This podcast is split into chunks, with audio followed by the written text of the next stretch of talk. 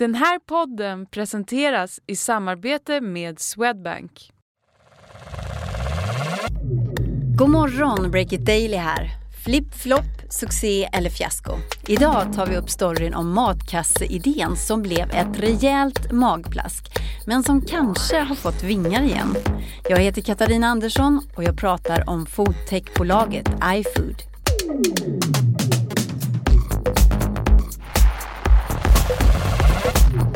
Det är fredag den 12 oktober och vi börjar med reaktioner på Breakits avslöjande igår. Vår granskning av vårdapparna, det handlade om skenande kostnader och hur appläkarna lockar till onödiga läkarbesök. Den här granskningen fick stort genomslag. Expressen, Aftonbladet och P4 Extra till exempel tog upp Breakits artiklar. Nätläkarna granskas. Reporter spelade sjuk och fick narkotikaklassad medicin utskriven. Jon Mano Pettersson, nyhetschef på Breakit. Kry själva reagerar också såklart. Ja men det är klart att de reagerar som vi har ju kartlagt eh, det de håller på med helt enkelt. Vi har ju ringt dem men de har också reagerat ganska hårt efteråt just på just den där bluffdelen där våra reportrar ringde till Kry för att testa tjänsterna lite grann. Så de var ganska hårda i sina ord, bland annat i ett uttalande som spelas upp i, i radio då. Om just det här experimentet då, den här lilla testen som ni gjorde, eh, om det så har Kry eh, meddelat följande i en skriftlig kommentar. Det är förkastligt att utnyttja systemet och att fejka sjukdom. Vården bygger på förtroende mellan patienter och vårdpersonal och det är därför naturligtvis mycket olämpligt att aktivt missbruka det förtroendet. När man hör det här då, då låter det ju liksom, wow, de kanske har en poäng. Men samtidigt, det här är ganska klassisk PR-strategi, liksom att flytta fokus från själva granskningen till att vi skulle ha gjort någonting fel. Vi gjorde faktiskt ett test av Kry ganska tidigt när vi drog igång Breakit. Och då var det lite mer positivt, typ, liksom, åh, kolla vilken cool tjänst. Och då var det inga problem att vi slösade på vårdresurserna så att säga. Så, Sa de det då? Ja, men det var mitt, mitt minne i alla fall, att det var, liksom, att det var glada tillrop lite grann sådär. Mm. Att vi testade som den nya framtidens teknik när Kry var lite nytt sådär.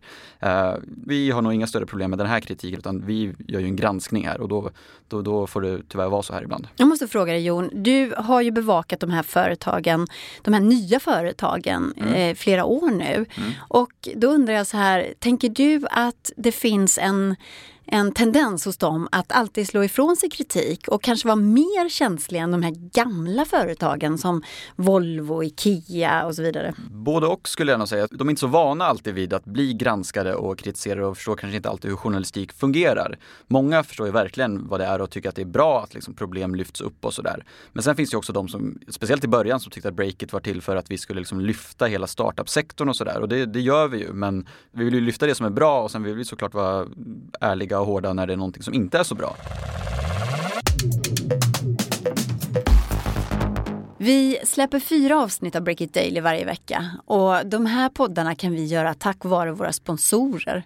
Och de gillar vi mycket, eller hur Stefan?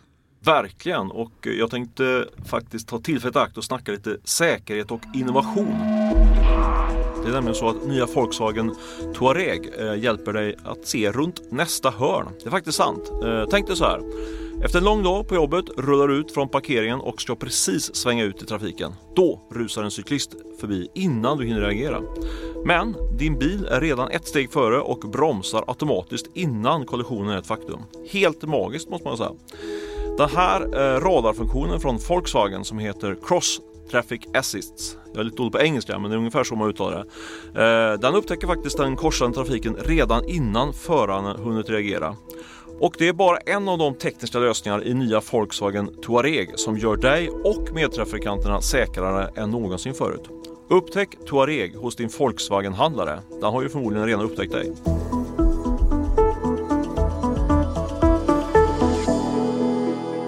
Det finns hundratals framgångshistorier genom techhistorien och reportrar de älskar att måla bilden av succéentreprenörer som startar med två tomma händer och som med blod, svett och tårar häver sig upp, får rull på sin idé och sen tjäna massor med pengar.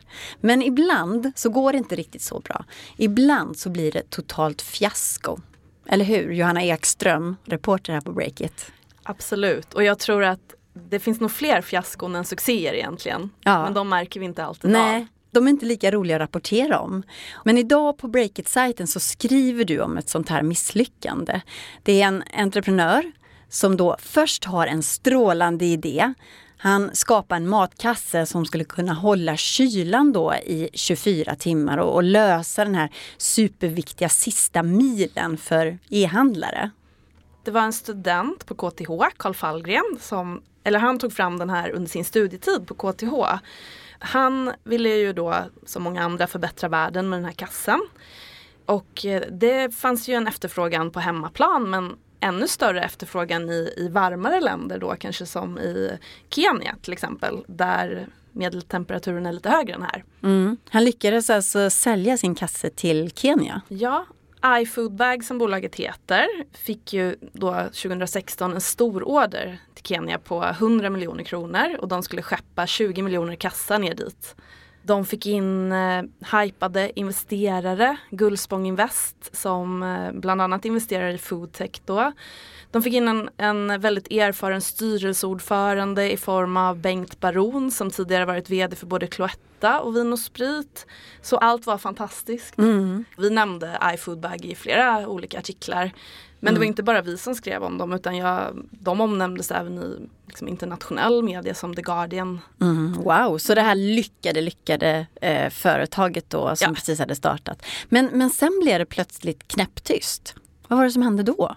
Ja, det blev tyst fram till februari i år för då kom det ett pressmeddelande som bara gick ut på egentligen att, att grundaren Karl Fallgren lämnar bolaget helt mm och säljer alla sina aktier. Mm.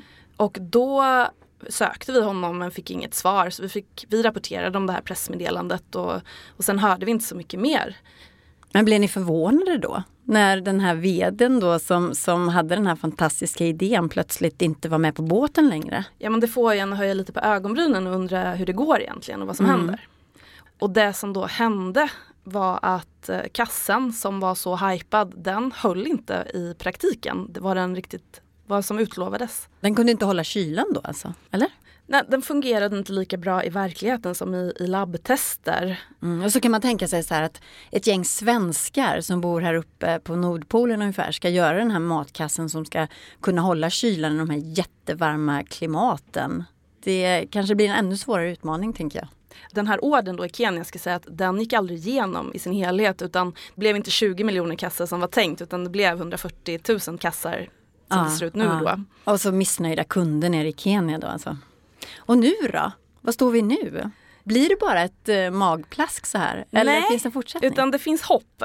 Och eh, jag har pratat med nya vdn Robert Grenmark och jag har även pratat med investerarna Gullspång Invest som säger att de har gått in med en halv miljon till för att ge bolaget en chans. Ah. Eh, och Robert Grenmark han är väldigt optimistisk för nu, håller de, nu är de i slutskedet av att ta fram vad de kallar då för en generation 2-kasse. Mm. Det finns fortfarande en efterfrågan men den första produkten höll inte riktigt Nej. måttet. Så nu har de tagit fram en ny produkt som snart ska lanseras. Vad ska vi tippa då Johanna? Att det kommer gå helt strålande så att vi får skriva den här solskenshistorien på slutet ändå? Ja men det vore ju kul om det gick bra för dem. Mm. Det får mm. vi hoppas. Tack så mycket för att du har lyssnat. Break It Daily är tillbaka nästa vecka. Ansvarig utgivare för den här podden är Olle Aronsson och jag heter Katarina Andersson. Och vi hoppas att ni får en riktigt skön helg.